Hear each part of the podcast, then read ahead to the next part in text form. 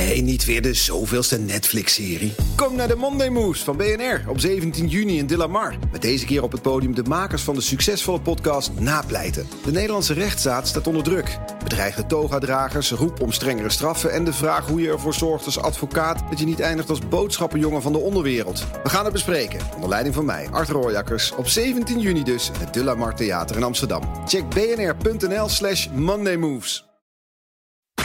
BNR Werkverkenners wordt mede mogelijk gemaakt door BrainNet. BrainNet voor zorgeloos en professioneel personeel inhuren. BNR Nieuwsradio. Werkverkenners. Rens de Jong. Het moet echt allemaal anders op onze arbeidsmarkt. Daar lijkt iedereen het wel over eens te zijn. En dat het onlangs verschenen rapport van de commissie Borstlab handige bouwstenen bevat, daar is ook geen twijfel over. Het is echt geen broddelwerk of zo. Ondertussen zijn de werkgevers zo creatief dat er voortdurend nieuwe arbeidsrelaties bijkomen. En daardoor is er een woud aan contractvormen ontstaan waar niemand meer zijn weg in vindt. En dat probleem zou wel eens hardnekkig kunnen zijn. De commissie Borstlab stelde voor om al die verschillende arbeidsrelaties terug te brengen tot drie vormen. En dat deden ze met een mooie beeldspraak van een snelweg. Die driebaansweg, ik geloof dat we er een parkeerplaats en een vluchtstrook bij hebben bedacht met elkaar. En gisteren kwamen ook de tankstations en de ventwegen uh, aan de orde en de wisselstrook. En voor je het weet heb je viaducten en uh, rotondes en weet ik wat. En zo was er, nog voordat de inkt van het rapport echt droog was, alweer een flinke verzameling aan extra arbeidsvormen bijbedacht. Nou, een van de drie contractvormen die er volgens Borstlab moeten zijn in de toekomst is het vaste contract. Nou, als je het advies een beetje tussen de regels van het rapport doorleest, lijken ze te zeggen: maak vast weer de norm. In deze werkverkenners kijken we of dat inderdaad het beste is. Rens de Jong. Ja, om te weten hoe we de arbeidsmarkt het beste kunnen veranderen, moeten we natuurlijk eerst een beeld krijgen van het probleem. Nou, als je dat aan de verschillende experts vraagt, krijg je telkens een ander antwoord. Of op zijn minst andere aandachtspunten. Mijn naam is Ruben Houweling. Ik ben hoogleraar arbeidsrecht aan de Erasmus School te Rotterdam. En voorzitter van het wetboek van werk. Ja, waarom eigenlijk een wetboek van werk als de commissie Borslap er ook al is en de WRR hier ook al over heeft geschreven? Ja, dat is een goede vraag. Uh, het aardige is dat uh, de Vereniging uh, voor Arbeidsrecht en de Vereniging Arbeidsrechtadvocaten Nederland, de VVA en VAAN, in 2016 constateerde dat de toen net een jaar in werking getreden wet, de WWZ, niet helemaal deed wat hij beoogde, namelijk een beter arbeidsrecht uh, te garanderen voor werkenden. En toen riepen we eigenlijk op twee dingen te doen. Namelijk op korte termijn pas deze wet aan. En op lange termijn kom met een staatscommissie. Mm -hmm. Maar wij dachten, die staatscommissie gaat er nooit komen. Dus laten we het zelf maar doen. Maar wat schetst onze verbazing? Hij kwam er toch. Hij kwam er toch. Ja, ja, oké. Okay. En dan sta je voor de vraag: wat doe je? Stop je?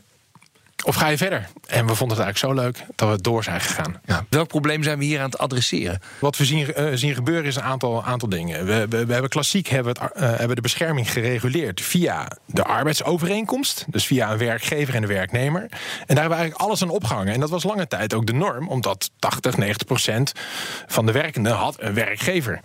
Inmiddels is die arbeidsmarkt een andere. Namelijk 40% van de werkzame beroepsbevolking uh, zit in een flexschil. Een groot deel daarvan uh, manifesteert zich als zelfstandige daarin. En draagt dus niet bij aan een stelsel, maar heeft ook geen werkgever waar hij op kan terugvallen. En dan kan je zeggen, nou, dat is ook een keuze en dat is prima. Maar als je dus ziet dat we een stelsel hebben uh, opgebouwd... wat eigenlijk uitgaat van een werkgever-werknemerrelatie... waar inmiddels nog maar een krappe 60% van de werkzame beroepsbevolking... in zo'n verhouding zit... En dan moet je je afvragen, hoe gaat het eigenlijk met die andere 40%? Nou, en als dat heel goed gaat, dan moet je dan moet je vooral niet aankomen. Maar als we constateren dat 1 op de 10 zelfstandigen in Nederland een werkende arm is, en dat dat aantal stijgt, en dat sowieso het aantal werkende armen toeneemt, terwijl het economisch, we zitten in de hoogtijdagen van de economie, het goed gaat, ja, dan moet je misschien wel achter de oren krabben en zeggen, klopt dit nog wel? Hebben we dit wel goed geregeld met elkaar? En vooral als het zo meteen niet goed gaat. Nou, natuurlijk mag een lid uit de commissie Borslap niet ontbreken in deze uitzending. Hanneke Bennaars stelt zichzelf even voor. Ik ben universitair docent arbeidsrecht bij de afdeling Sociaal Recht van de Universiteit Leiden. En uh, ik ben lid geweest van de commissie Borstlab en heb meegewerkt aan uh, het project Wetboek van Werk. Ja, en uh, hoe was het die commissie Borstlab?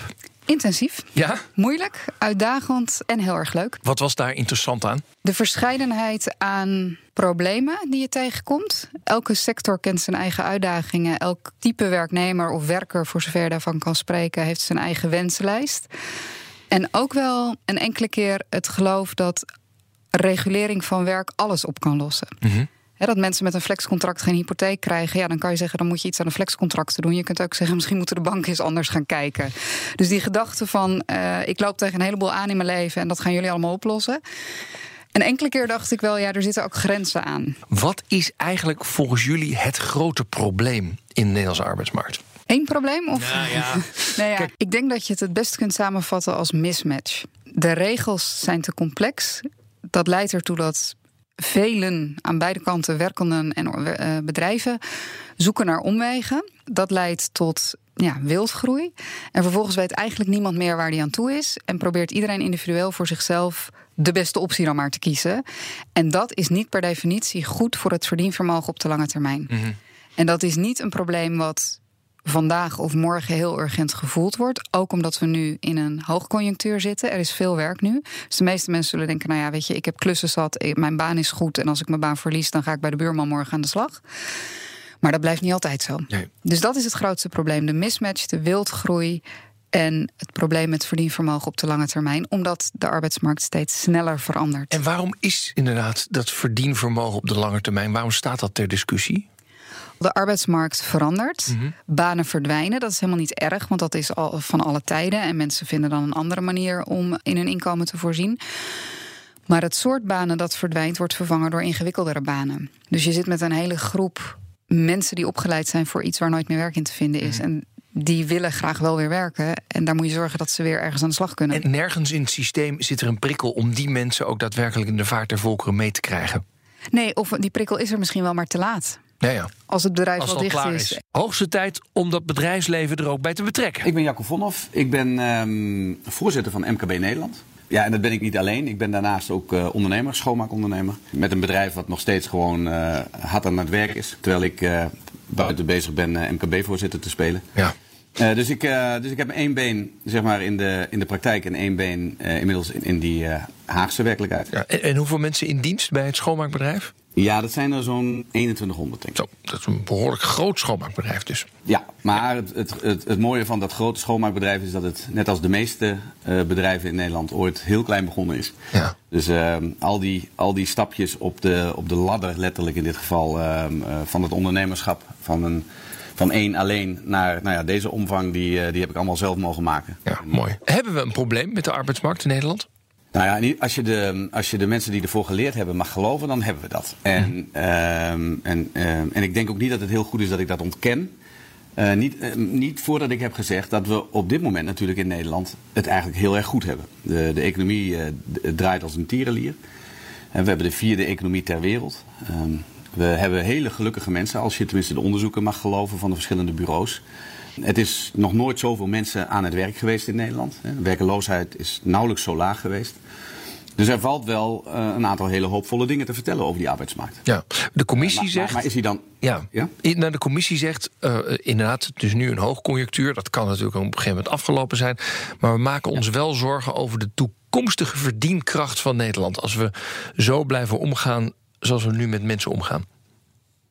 Ja, en daar, daar, daar vinden we elkaar ook wel. Hè? Dus in die, in die conclusie dat er eh, fundamenteel een paar eh, fouten, weeffouten in ons huidige systeem zitten, dan vinden we elkaar. Alleen eh, we zijn elkaar weer heel snel kwijt, omdat de commissie met name eh, kijkt naar hoe het nu is. En vooral terugkijkt in de tijd hoe het ooit zo gekomen is en hoe we dat dan weer zouden moeten veranderen. Dus ik noem dat een beetje back to the future. Terwijl ik geloof en ervan overtuigd ben dat we ons moeten omdraaien naar die toekomst moeten kijken. Omdat daar nog hele andere uitdagingen op ons afkomen. Die misschien wel een hele andere aanpak vragen dan de commissie op dit moment uitdraagt. Geef eens een voorbeeld dan. Nou ja, ik, hoef alleen maar platformeconomie te zeggen. Hè. Dus de, de manier waarop ehm, werk, mensen die beschikken over tijd om werk te doen. En mensen die behoefte hebben aan ehm, de uitvoering van eh, werk. eh, elkaar kunnen vinden op platforms waardoor werkgevers zich aan het transformeren zijn tot opdrachtgevers. en werknemers zich aan het transformeren zijn tot opdrachtnemers. Ik wil niet zeggen dat dat per definitie goed is. Uh, sterker nog, ik, uh, ik, heb daar, uh, ik ben daar wel heel genuanceerd over. Maar het gebeurt wel. Mm -hmm. en, en ik denk dat het heel belangrijk is dat je dat type ontwikkelingen. Hè, van hoe, hoe gaat dat nou straks met werk? En hoe gaat het met automatisering en robotisering en artificial intelligence en, nou ja, en al die platformen? Ik had liever daarna gekeken en, en gedacht van hoe maken we nou een toekomstbestendig bestel. Ja. Waar zekerheid voor mensen, voor werkende mensen, geborgd is. En de manier waarop ze werken altijd zal veranderen.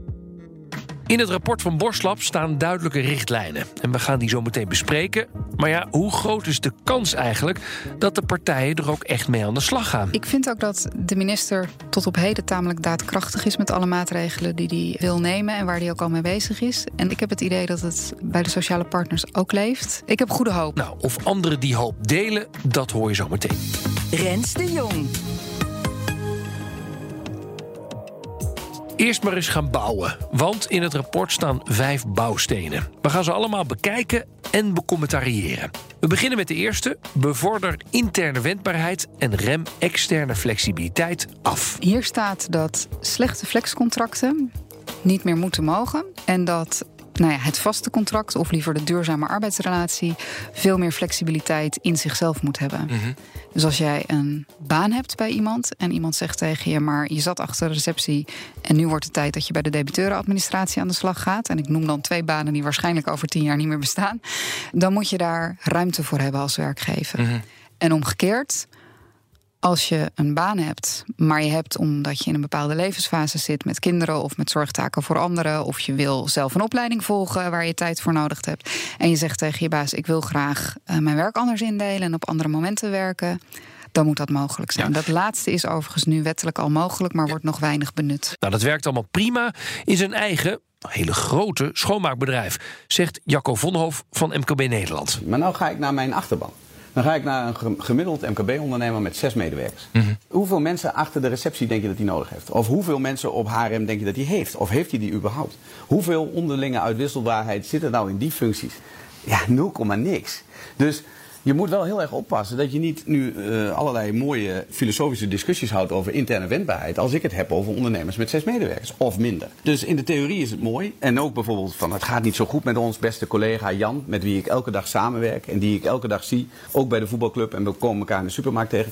Ik kan het even niet trekken. Ik ga jouw uh, contractwaarde even met 40% eenzijdig terugbrengen, want dat mag ik nou volgens Ja. de wet. Dat vind jij vast een goed idee. Nou, denk je dat Jan en ik nog vrienden zullen zijn? Nou, ik moet eerlijk zeggen, ik had gedacht dat Jacco namens de ondernemers juist heel tevreden zou zijn met die flexibiliteit. Maar zeker voor de kleinere bedrijven vindt hij dit duidelijk niet realistisch.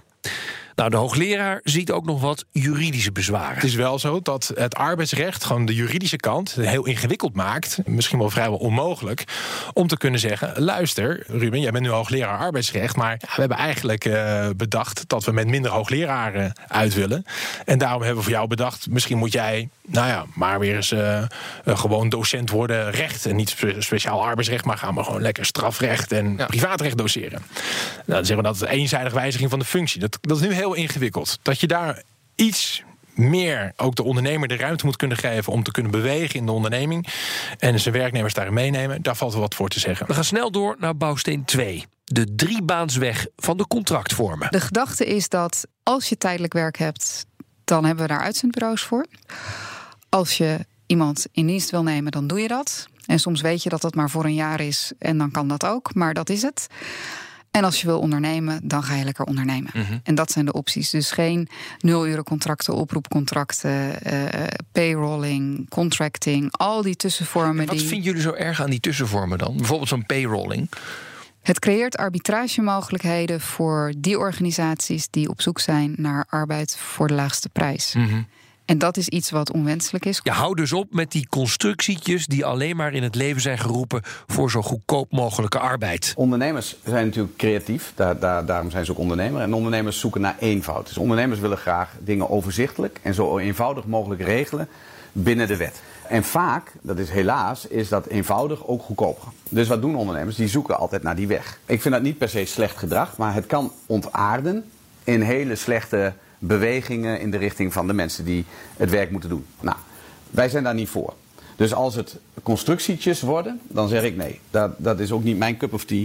Op het moment dat je zegt, kun je het redden met alleen deze drie, geloof ik het ook niet echt. Maar dat er een keer in het dorre hout gesneden moet worden en dat het overzichtelijker moet worden. Uh, wat voor een soort van overeenkomst jij hebt met de werkgever of als zelfstandige met je opdrachtgever, daar, daar kan ik me wel in vinden. Of moeten we juist helemaal niet snijden in het aantal contractvormen? Nou, iets wat wij voorstelden in het uh, wetboek van werk. Neem nou die pluriformiteit van, van, van werkers. Neem nou die diversiteit en al die verschillende. Een ZZP'er, een contractor, een payroller, een uitzender, een gewone werknemer, tijdelijke werknemer, oproepkracht. Nou, verzin het allemaal, anders ja. kunnen we even doorgaan. Accepteer dat gewoon als een gegeven. En sterker nog, we hebben nog niet eens over, over platformwerkers gehad. Maar accepteer nou eigenlijk dat die vormen er zijn. Ja, ja. Maar creëer het recht zo dat je zegt dat moet niet uitmaken. Het moet eigenlijk niet meer uitmaken of jij hier staat als ZZP'er of als werknemer enzovoort. Want jouw inkomen is redelijk, jouw vangnet is redelijk, is geborgd.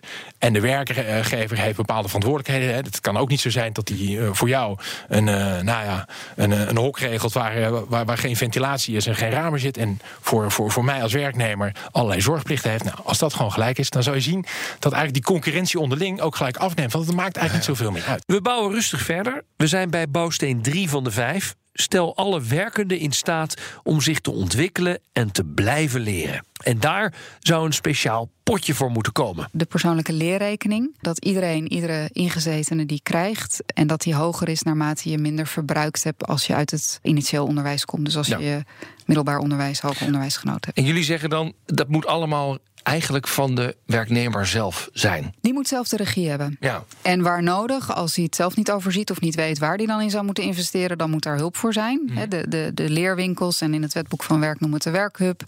Nu is het UWV heeft deels die taak. Maar ja, het is een individuele rekening. En dat betekent dus ook dat het switchen tussen die contractsvormen vele malen makkelijker is, omdat je in je basispakket eigenlijk alles al hebt zitten dat mm. aan jou hangt. Ja. Dit is Jacco van het MKB echt uit het hart gegrepen. Hij noemt deze bouwsteen de allerbelangrijkste. Omdat het een soort basisvoorziening ook is voor alle Nederlanders. Uh, ik heb zelf een tijdje geleden voor uh, de MBO-raad een rapport geschreven, of in ieder geval dat komt nog binnenkort op de markt, over een leven lang ontwikkelen en hoe dat te doen met persoonlijke potten. Dus ook daar uh, is de richting, elk mens heeft gewoon een persoonlijk ontwikkelbudget, een eigen opleidingsgeld. En, en voor mij mag het zelfs letterlijk een L-rekening heten. En die wordt netjes volgestort bij je geboorte. En elke stap die je maakt, als jij gaat werken, ga je samen met je werkgever, ga je geld sparen. Gaat ook naar die L-rekening. En de transitievergoeding die we zo hebben bedacht, en die nu vaak wordt gebruikt om, uh, om nog even naar de Costa Brava te gaan, naar je ontslag. Die zou er ook in kunnen. Maar dat dan te gebruiken om jezelf continu te blijven ontwikkelen, ik ben daar helemaal voor. Mm. Ik ben daar trouwens ook voor, in, de, in dat kader, daar kan ik er meteen nou even inbranden, om naast die L-rekening ook een G-rekening te hebben. En een G-rekening zoals bedrijven een G-rekening hebben. Waar je over het algemeen als bedrijven zaken doen met elkaar, worden daar de gelden opgestort die bedoeld zijn voor uh, sociale premies en belastingen te betalen.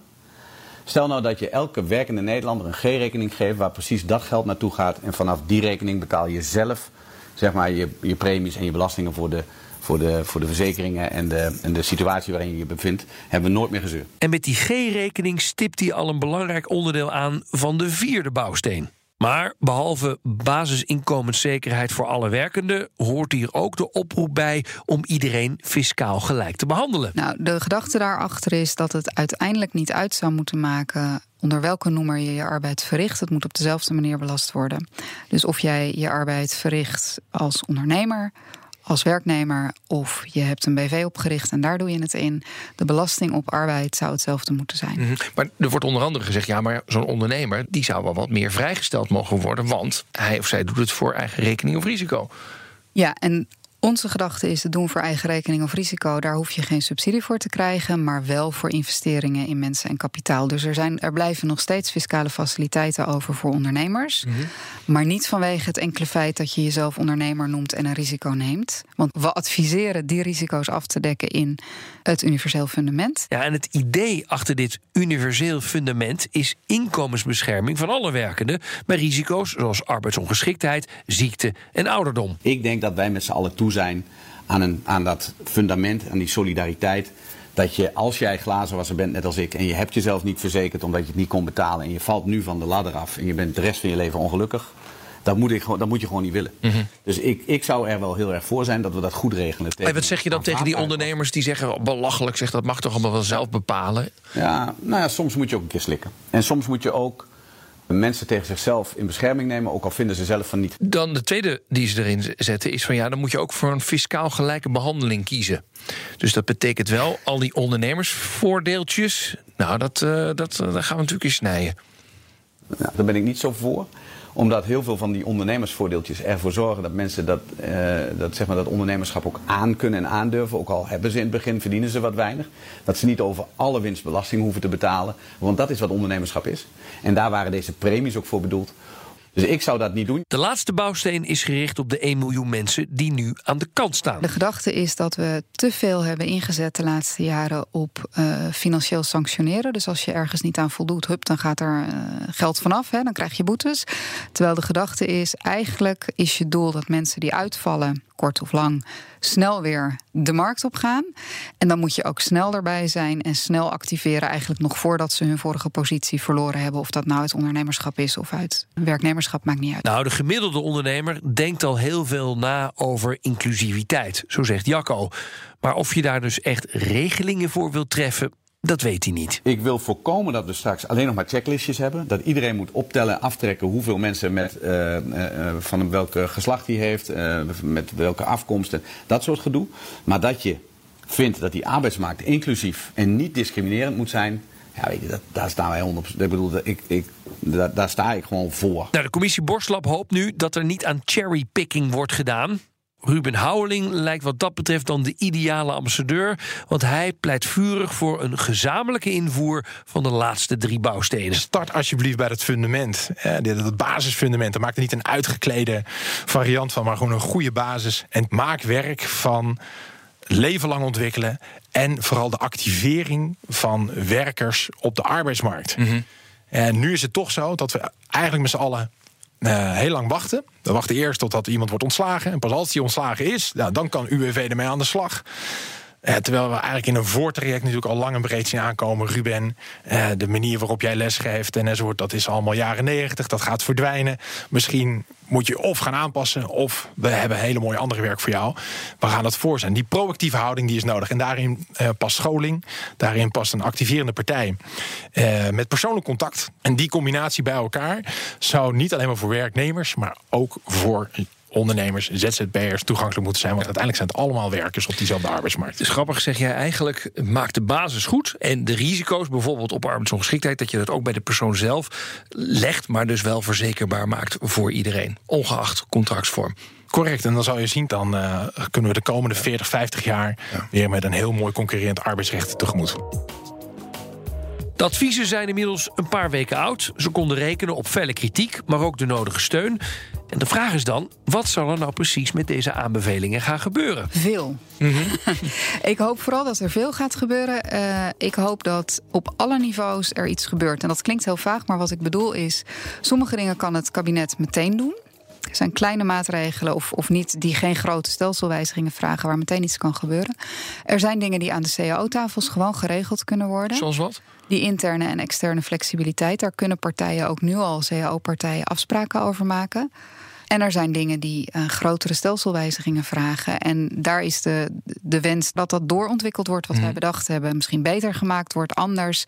En dat, nou ja, de wetgever daarmee aan de slag gaat. Volgens MKB Nederland is vooral de polder nu aan zet. Wij zullen, denk ik, als polderpartijen gewoon veel sneller moeten gaan leveren. En ik denk dat dat nu gebeurt. Dus we pakken deze bouwstenen. We gaan dat, dat gesprek wat we al lang natuurlijk met elkaar hebben... en wat we soms ook al wel tien keer hebben herhaald... gaan we opnieuw vlot trekken. En het zou als, als ik er wat over te zeggen heb, zou het hartstikke mooi zijn als wij met een, met, een, met een verhaal kunnen komen, noem het een sociaal contract, waarin staat wat wij voor Nederland zien, waar dit een integraal onderdeel van is.